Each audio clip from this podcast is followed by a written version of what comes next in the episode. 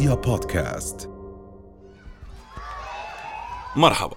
فريق بودكاست نقلا عن العالم رح يحاول اليوم وبكل حلقة ياخدك في جولة حول العالم. نتعرف من خلالها على عادات مشكلات اختراعات وغرائب ومواضيع غير متوقعة. اليوم رح نحكي عن لوحات فنية انباعت بأرقام عالية جدا رغم اعتقاد بعض الناس بأنهم ما بيستحقوا هاي المبالغ. ورح نجاوب على سؤال خطر في بالكم أكيد وهو ليش بتنباع بعض اللوحات بأسعار خيالية؟ وليش الفن أحيانا بيكون مكلف لهاي الدرجة؟ خلوني أرجع معكم لبداية عام 2011 لما تم بيع لوحة للفنان بول سيزان اسمها لاعبو الورق بمبلغ كبير جدا بيعادل الآن حوالي 275 مليون دولار. ولوحة تانية للفنان جاكسون بولوك كان اسمها الرقم خمسة انباعت في عام 2006 بسعر وصل ل 140 مليون دولار. وهاي اللوحة يمكن لو شفتوها تحكوا ببساطة إنه ممكن تعملوا مثلها أو أحسن. ورح نسأل حالنا مرة تانية ليش هاي الأسعار الخيالية. واحد من الأسباب هو قانون العرض والطلب. وفي العرض والطلب اللوحات الفنية اللي رسمها فنانين ماتوا بيرفع من قيمتها لأنه ما رح يرجع أبدا يرسم أي لوحات جديدة. لهيك نقص المؤن إذا حبينا نستخدم هذا المصطلح المالي يعتبر من الأسباب المهمة في ارتفاع أسعار هاي اللوحات. لكن ليش الأسعار الغالية للوحات فنية لفنانين لساتهم على قيد الحياة؟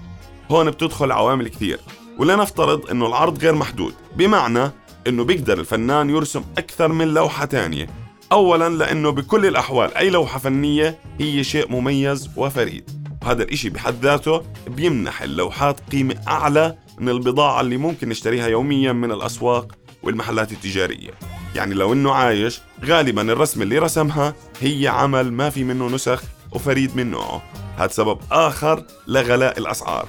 وخلونا ناخذ بعين الاعتبار بأنه الفن كغيره من الأشياء. تتسعر فيه اللوحات وبتاخذ قيمتها على أساس علاقتها مع غيرها من اللوحات والسوق الفني سوق كبير تجاريا وفي تنافسية عالية جدا.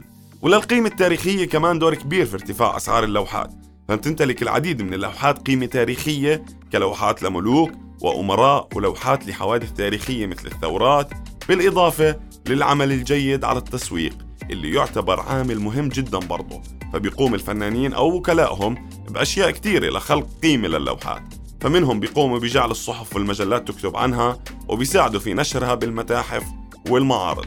وفي مقولة مشهورة بتحكي لإرنست بيلير إذا لم أستطع بيع لوحة ما أقوم بمضاعفة سعرها بكل بساطة. وبعد ما صار عندكم فكرة عن سبب ارتفاع أسعار اللوحات الفنية خلونا نستعرض قائمة بأغلى اللوحات اللي انباعت في العالم. وأول لوحة هي لوحة بيكاسو المشهورة الحلم وانباعت بمبلغ 150 مليون دولار في صفقة خاصة.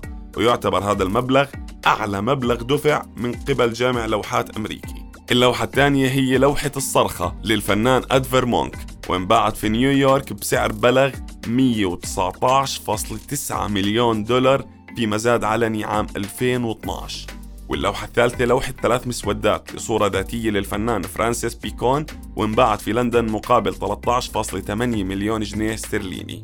اللوحة الرابعة هي رأس الحواري اليافع للفنان رافائيل اللي انباعت في لندن عام 2012 لشخص خارج المملكة المتحدة لكن الحكومة قامت بمنع إخراجها من البلاد.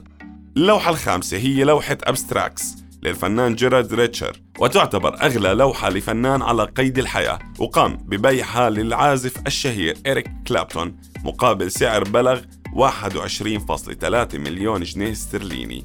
ولوحة لاعبو الورق اللي اشترتها دولة قطر بأكثر من 250 مليون دولار. هون بنكون وصلنا لنهاية حلقتنا لليوم بنشوفكم الحلقة الجاي. سلام. رؤيا بودكاست.